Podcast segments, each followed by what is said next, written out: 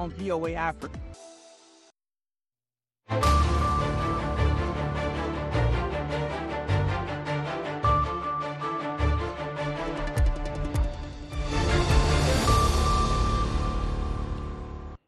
halkani waa washington laanta af soomaaliga idaacadda v o a waad ka dhagaysanaysaan mawjadaha gaagaaban ee lix iyo tobanka iyo sagaal tobanka mitrban iyo bogga v o a somaly com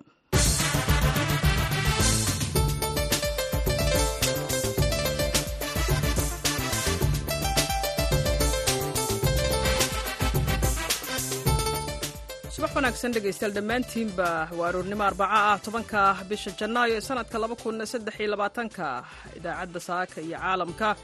Waxaa idinla socodsiinaya anigoo ah caasho ibraahim aadan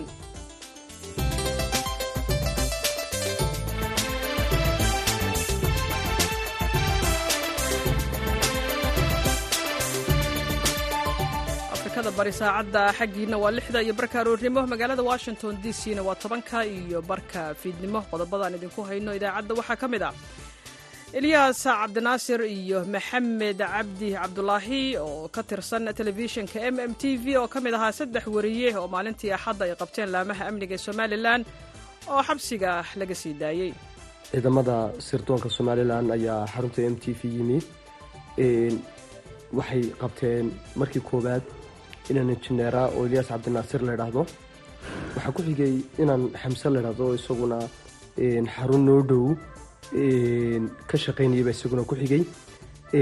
Qofkii saddexaad ee la qabtay maxamed cabdisheekh guddoomiyaha telefishinka ilig buu ahaa. Waxaa sidoo kale aad maqli doontaan maxaad ka taqaanaa maqaayadda loogu magacdaray shaaxa ninka ee ku taalla magaalada jigjiga? Mar dhow ayaad maqli doontaan qodobadaasi iyo warar kale ayaad idaacadda aad ku dhegaysan doontaan. Marka hores waxaad ku soo dhowaataan warka caalamka oon idin akhriyo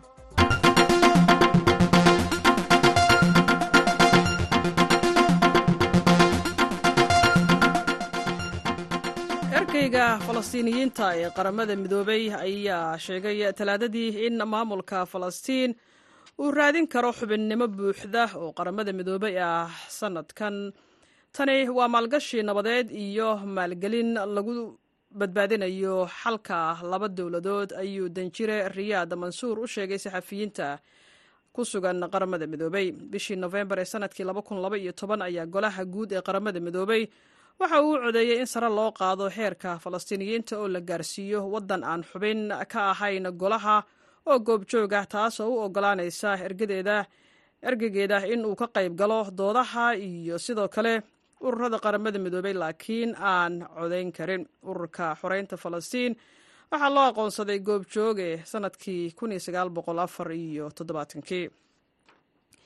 maamulka madaxweyne biden ayaa waxa ay dirayaan calaamado kala duwan iyada oo ay weli sii socoto diidmada baaqyada isa soo taraya ee ku aadan joojinta colaadaha u dhexeeya israa'il iyo xamaas. Islamarkaana uu madaxweyne joe biden u muuqdo mid isku dayaya in uu qanciyo qaar ka mid ah baaqyada maraykanka ee xabad joojinta khaza john kibri oo ah iskuduwaha golaha amniga ee qaranka ee isgaarsiinta istaraatiijiga ah ayaa waxa uu ku celiyey mowqifka fog ee maamulka ee ah in xabad joojinta xilligan ay faa'iido u leedahay xamaas oo keliya.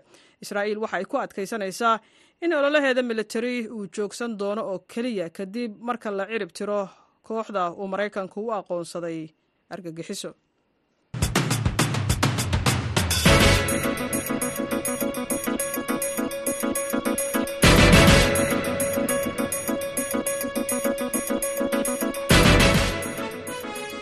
wanaagsan ayaan mar kale hawada idinka leenahay. Meel kastoo aad joogtaan waxaa xalay xorriyadoodii dib u helay saxafi elyaas cabdinaasir iyo maxamed cabdi cabdulaahi oo ka tirsan telefishinka m t v oo ka mid ahaa saddex wariye oo maalintii axadda ay qabteen laamaha amniga ee somalilan.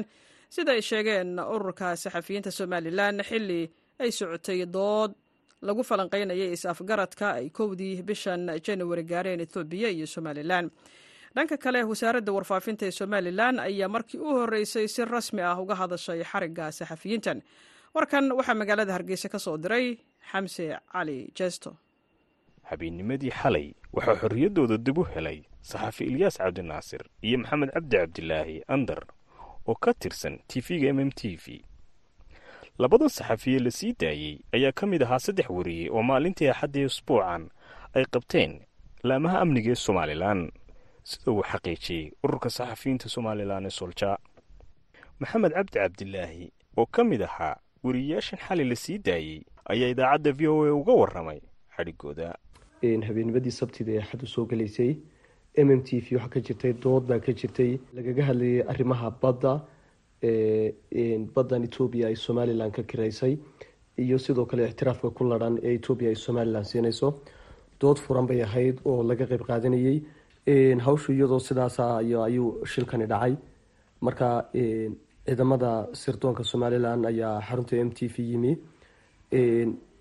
Waxay qabteen markii koowaad inaan injineera oo eliyaas cabdinaasir la idhaahdo waxaa ku xigay inaan xamse la idhahdo isaguna xarun noo ka shaqeynayaba isaguna ku xigay. Qofkii saddexaad la qabtay maxamed cabdisheekh guddoomiyaha telefishinka ilig buu ahaa. Iyagoo saddexdaasi la qaaday ayaan aniguna noqdo qofkii afraad ee la qaada. Sidoo kale waxaan goobjoog u ahaa qalabkii telefishinka oo dhammaantii la qaaday. Haddii ay noqoto kombyuutarada iyo wixii ay ku shaqeynayeen specially c b u yadii ama aan yidhahdo systemkii kombyuutarada oo dhan dhammaantood waa la qaaday. Agabkii kamarada ayaa meesha laga furay. Kamaradii aan ku shaqeyn oo dhan baa la qaaday. Dhammaanba wixii meesha yaalay ayaa la soo wada qaaday qofkii ugu dambeeyey la qaadayna anigu waan ahaa. De gawadhi tiro badan oo meesha joogtay unbaa nala saaray. Intaa weliba dee saaxiibadeydii hore anigaba indhuha nalaga xidhay marka meel nala geenayo maan ogeyn. Marka waxaan ku war helay markii meeshii la geeyey indhaa laga furay baan ayaan ogaaday in ilig iyo inamada kale iga soo horeeyaana la xidhay caawa ku afar baan xidhnaan lahayn walow anigu aan soo iminka xorriyadeedii anigii oo kale aanu helnay. Marka laga reebo ilig ilig isaga caawa afar habeen buu xidhan yahay. Marka dee waa naga caafimaad qabnaa? Alxamdulilahi rabbilcaalamiin dhanka kale wasaaradda warfaafinta somalilan ayaa markii u horreysay si rasmiya uga hadashay xadhigga saxafiyiintan xidhnaa. Agaasimaha wasaaradda warfaafinta mustafa cabdi ciise shiine ayaa v o a u sheegay. Sababta ay saxafiyiintani u xidhnaayeen. Annagoo wasaaradahaan xadhigga maanan ogeyn shaqana kuma lahayn. Islamarkaana wasiirka wasaaradda warfaafinta dhaqanka iyo wacyigelin jamhuuriyadda somalilan oo aan wehelinaynay aniga iyo wasiir xigeenka waxaanu u yeedhnay mas'uuliyiinta ugu sareysa hay'adaha amniga ee arrinta gacanta ku haysa waxaanan weydiinay sababta loo xidhay wariyaha iyo wariyaasha kale ee meesha maaragtay la joogay. Dabadeedna waxay noo sheegeen in ari arrinka imean xadhigoodu aanu quseynin wax ku saabsan barnaamijkii habeenka baxayay iyo arrin saxaafadeed ee ahayd arrimo kale oo ay indhowey dabagal ku hayeen. Marka sidaan warar ku hayno anagu iminka waxa weeye arrinta dowladda iyo hay'adaha amnigu waxay xaq u leeyihiin inay baadhaan dabagalaan ka hortagaan haddii ay dhibaato ku imaneyso amniga jamhuuriyadda somalilan. Marka qofka saxaafigiina ma aha oo keliya in uu geli karo dembi saxaafadeed. Waa uu geli karaa dembi kale oo ka fog saxaafadda ama qarannimada ha noqoto ama mid shaksi ha noqoto marka arrinta baadhisteeda waxaad kala xiriiri kartaa hay'adaha amniga. Raggan la soo daayay qofka muwaadinka waa laga shakii karaa. Waana xaq loo leeyahy in la baadho. Marka la baadho caddaato qofkaasi inaanu dembi lahayn waa in la sii daaya. Sii deyntooda waxaan umaleyna ku timid dee baadhis ay cadaalad heleen. Muwaadinka xidhan iminka isagu maaragtay aan weli la sii dayna waxaan rajeynaynaa inuu cadaalad taa la mid a helo geesta kale. Weli waxaa xidhan maxamed cabdi ilig guddoomiyihii m m t v oo mar lala xidhay labadan saxafi xalay la sii daayey xamse cali jeesto v o a hargeysa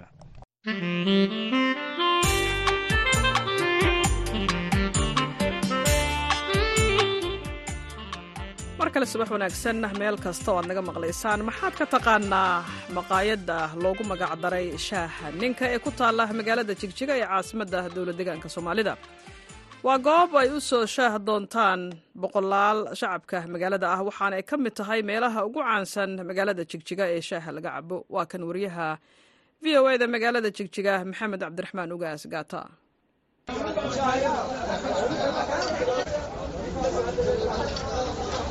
halkani waa mid ka mid a goobaha ugu saxmadda badan ee magaalada jigjiga. Ma aha goob lagu cunteeyo balse waa goob lagu cabo shaaha waxaana goobtani yimaada maalin walba boqolaal shacab ah kuwaasoo shaahani uga yimaada goobo kala duwan oo magaalada jigjiga ah. Waxaana maqaaxidani lagu magacaabaa maqaaxida shaaha ninka waana ninka keliya ee magacan lagu yaqaano waxayna goobtani ka mid tahay meelaha ugu caansan magaalada jigjiga. Haddaba maxamed cabdulaahi waa mulkiilaha maqaaxida shaaha ninka waxaana wax ka weydiiyey sababta uu ugu baxay magacan iyo weliba muddada uu ka shaqaynayey xirfaddan shaaha. Shaah ninku magaciisa wuxuu ku baxay haddaad weydiisay keligey baan aha magaalada jigjiga. Wax shaaha kariya oo nin ah keligey baan aha dad badanoo kafteriya labaa jira kafteriyadii shaahuna waa kala laba.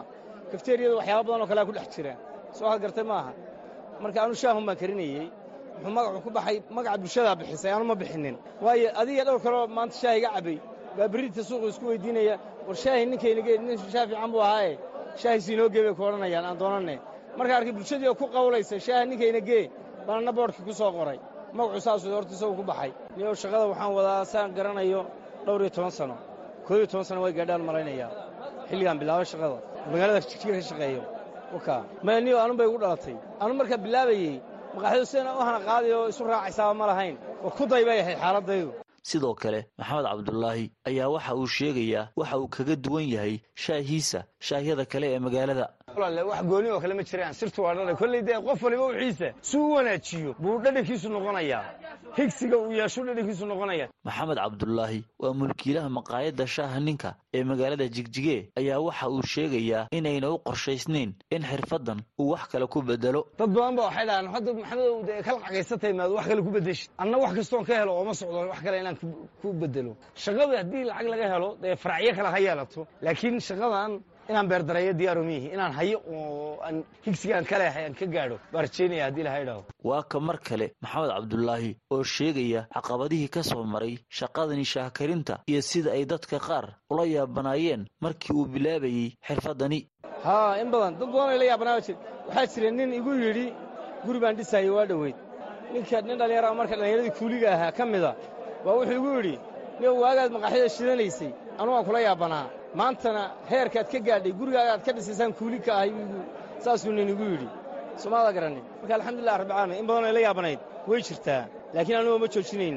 Nin shaqaysanaya maan ahaa la yaab waxaa qofkii qof barya haya inaad bini'aadanka barido bulshada. Oo dhinacyahaas ka eegtoo tira hebelow inaan ku qadeeyey yidhib taasaa wax laga xishoodaa. Marka alxamdulilah rabbilcaalamiin shaaha ayaa waxa uu ka mid yahay waxyaabaha loogu cabista badan yahay dunida marka laga reebo biyaha la cabo oo kaalinta koowaad ku jira iyadoo dadka soomaalida ahna ay yihiin dad shaaha aad u cabba islamarkaana ku kala warqaata. Haddaba macaamiisha shaaha ninka ee magaalada jigjiga ayaa aaminsan waxa uu kaga duwan yahay shaahani shaahyada kale ee magaalada. Dee shaah maxaa jigjiga aad bay ugu badan tahay meel suuqan laakiin ninkan oo kale dee intaasoo maqaaxiyood buu u dhigmaa ama shacab hadday noqoto hadday macnaa taya noqoto waxaan ka mid ahay shacabka ku nool magaalada caasimadda ee jigjiga. Shacabka ku xihan maqaaxidan shaaxa ninka ee maxamed. Saddexda waqtiba waan imaadaa. Waxaan ka mid ahay dadka kastamarkiisa ah oo meeshatan ku xihan oo imaada oo shaaxa ka caba gelinka hore iyo gelinka dambe. Marka su'aashaad waadaan kaga jawaabo haa waa maqaaxidan maqaaxida ugu caansan oo ugu shaaxa macaan xagga dhadhanka iyo xagga tayada dadka badan oo magaaladan ay ku xihan yihiin gabagabadii maxamed cabdulaahi waa shaaha ninkee waxa uu ku booriyey dhalinta iyo cid kasta oo shaqaysanaysa in ayna ka faanin shaqada oo ay ku dhiiradaan. Geesta kalena sheegay in shaxaadku ceeb yahay. Aad iyo aad inay dhallinyaradu shaqaysato oo la isdhiirigeliyo oo qofkii xataa la arkay isagoo shaqo tegahaya la dhiirigeliya aan maaragtay niyad xumo lagu beerin. Baan aad iyo aad bulshada ugu baraarujin lahaa. Marka dhallinyarada shaqo tagaysleh in la dhiirigeliyo oo aad iyo aad waad mahadsantahay layidhaah baa maaragtay baan fari lahaa bulshada. Maxamed cabdiraxmaan gaata v o a magaalada jigjiga.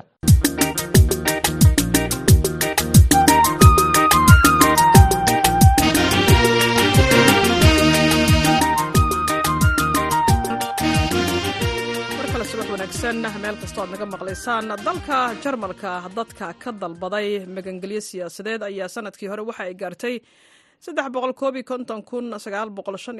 qof waa kor u boqolkiiba koob iyo konton ah marka loo eego sannadkii ka horreeyey ee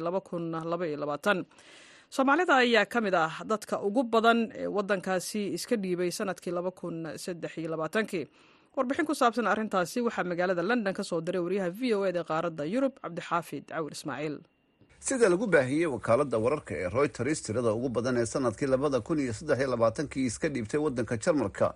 Waxaa ugu badan dadka ka soo jeeda suuriya tiradooduna waxa ay dhammayd boqol iyo afar kun shan boqol iyo koob iyo lixdan qof. Waxaa ku xiga dadka asal ahaan ka soo jeeda turkiya waxaana wadankaasi iska dhiibay dad u dhashay oo gaadhaya labiiyo lixdan kun lix boqol iyo afar iyo labaatan.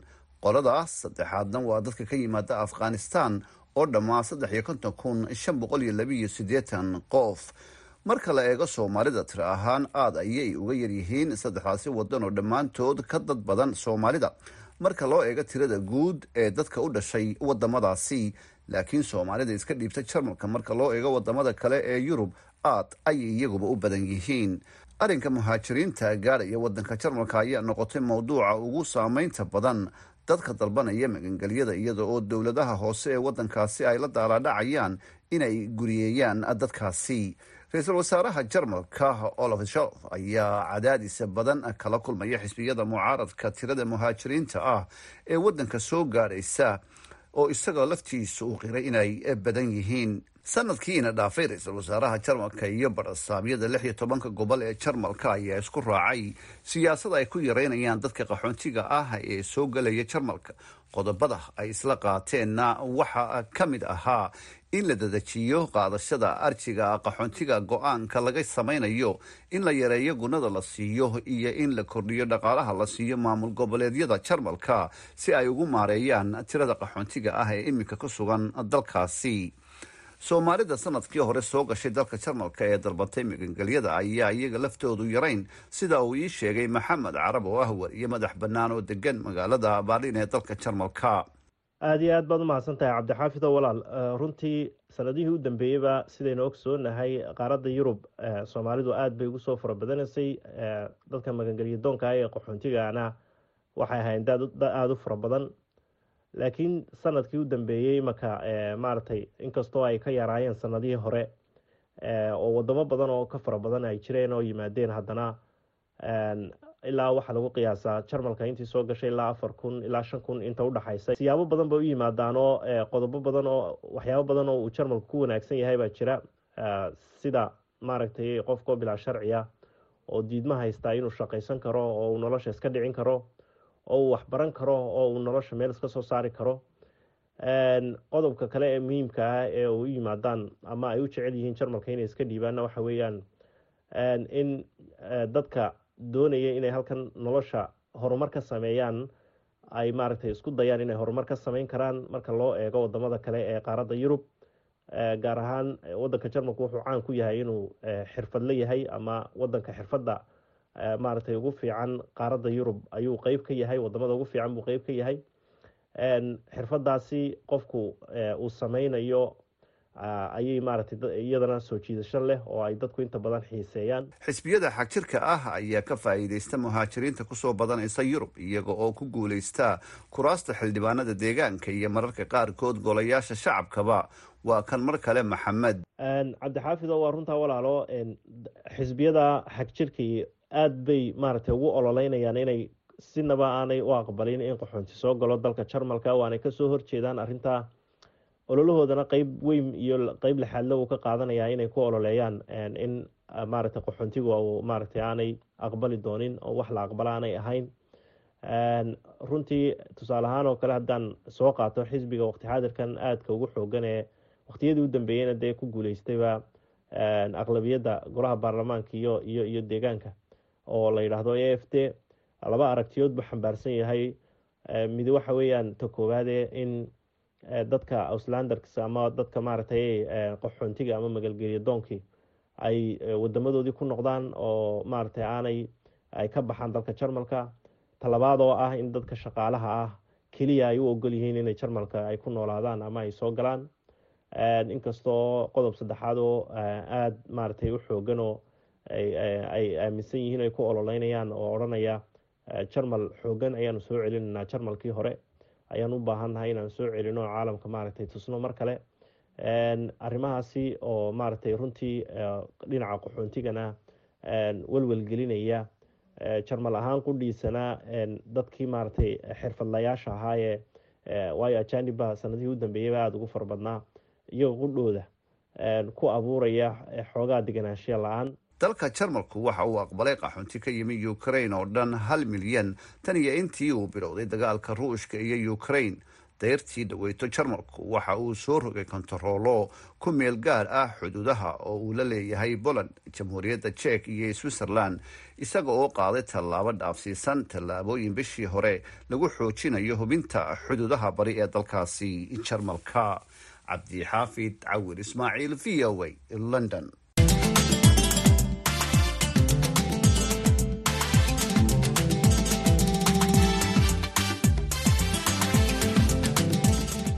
wanaagsan mar kale meel kasta oo aad naga maqlaysaan magaalada los angeles oo ku taalla gobolka californiya ee dalkan maraykanka oo ka mid a goobaha ugu dakhliga badan caalamka ay ku sii badanayaan dadka ay hoyla-aantu hayso. Dowladda hoose ee magaaladaasi ayaa haatan waxa ay wadaa qorshe ay wax kaga qabanayaan. Arrintaasi wariyaha v o eda angelina bagdarasayaan ayaa warbixintan ka diyaarisay jamaal axmed cismaan ayaa inoo soo koobaya shaqadan hoyga gaarka iyo howlaawiyaasha ee loo yaqaan north east new beginnings ee los angeles waxay bilaabatay sannadkii laba kun labaiyo labaatankii saddexdii janwari maalintii arbacada.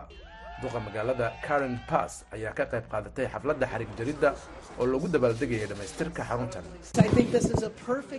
Waxaan u malaynaya inay tani tusaale fiican u tahay.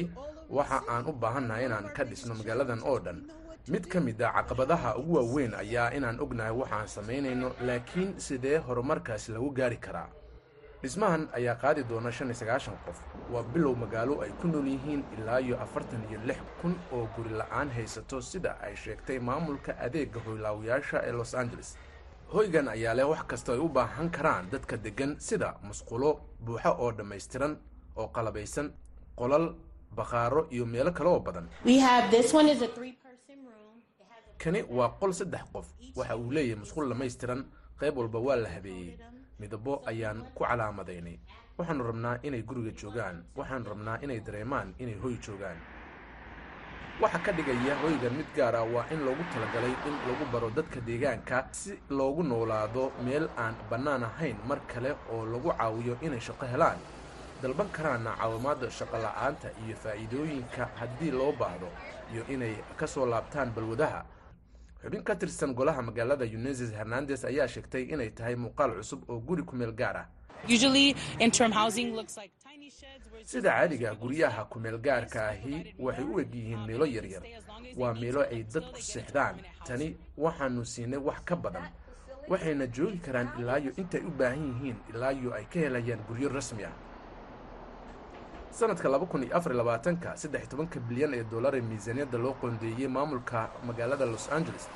Waxa uu ku qarashgarayn doonaa ku dhowaad hal bilyan oo ka mid ah in ay iibsadaan hoteello kuwaas oo loo rogi doono hoy iyo in loo dhiso hoy kuwa hoy la'aanta sidan oo kalea ayay tiri hernandes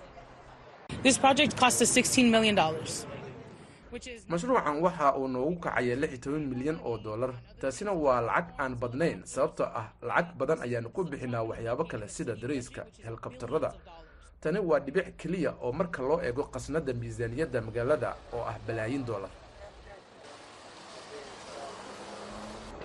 dhowrkii sane ee la soo dhaafay californiya waxay ku bixisay in ka badan laba bilyan oo dollar sidii ay wax uga qaban lahayd guri la'aanta laakiin dadka maxalliga ah ma aysan dareemin isbeddel badan. Bishii oktoobar guddoomiyaha californiya gavin newsom ayaa saxiixay sharci lagu hayn karayo dadka qaba qabatinka daroogada ama jirooyinka dhimirka in lagu qasbo inay raadsadaan dawooyin.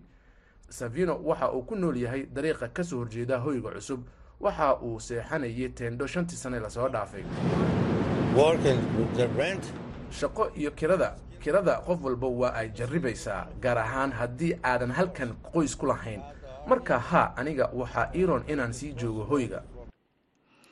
Jamaal axmed cismaan ayaa warbixintaasi nala socodsiinayay. Halka weli aad nagala socotaana waa laanta afka soomaaliga v o a oo si toosa idinkaga imaaneysa magaalada washington. Waxaan soo gaarnay xilligii aan heesaha dabacsan mid idinkaga soo dhex xuli jirnay muusigaas dhegihiina soo gaaraya ee kabanka ah waa heesta halkudhageedu yahay baxsan ee hargeysa iyo fanaanka saalax qaasim.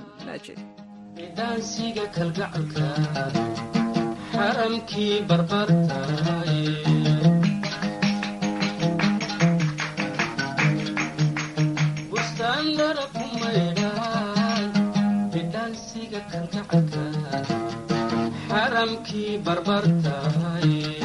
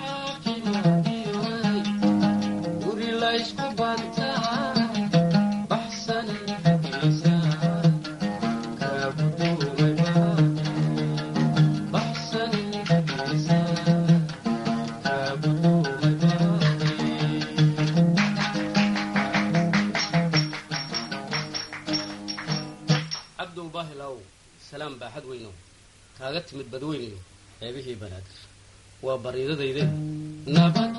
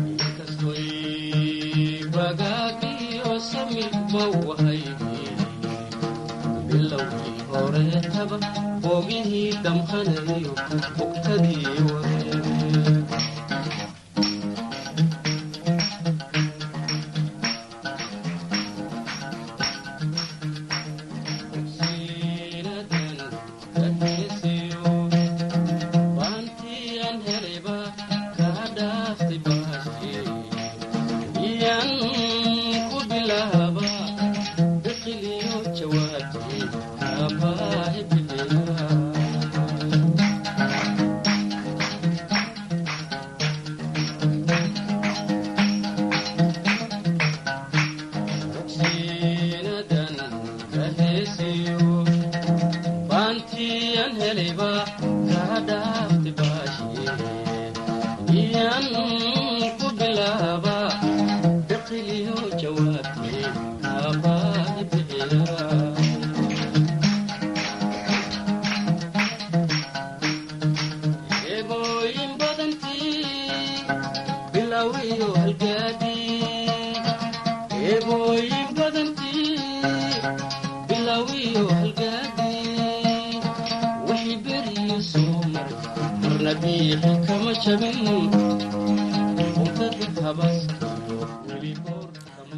Codkaasi halaasigaa ee fanaanka saalax qaasim naaji ayaan ku soo gabagabaynaynaa baahinteennii saaka iyo caalamka ee laanta afka soomaaliga v o a.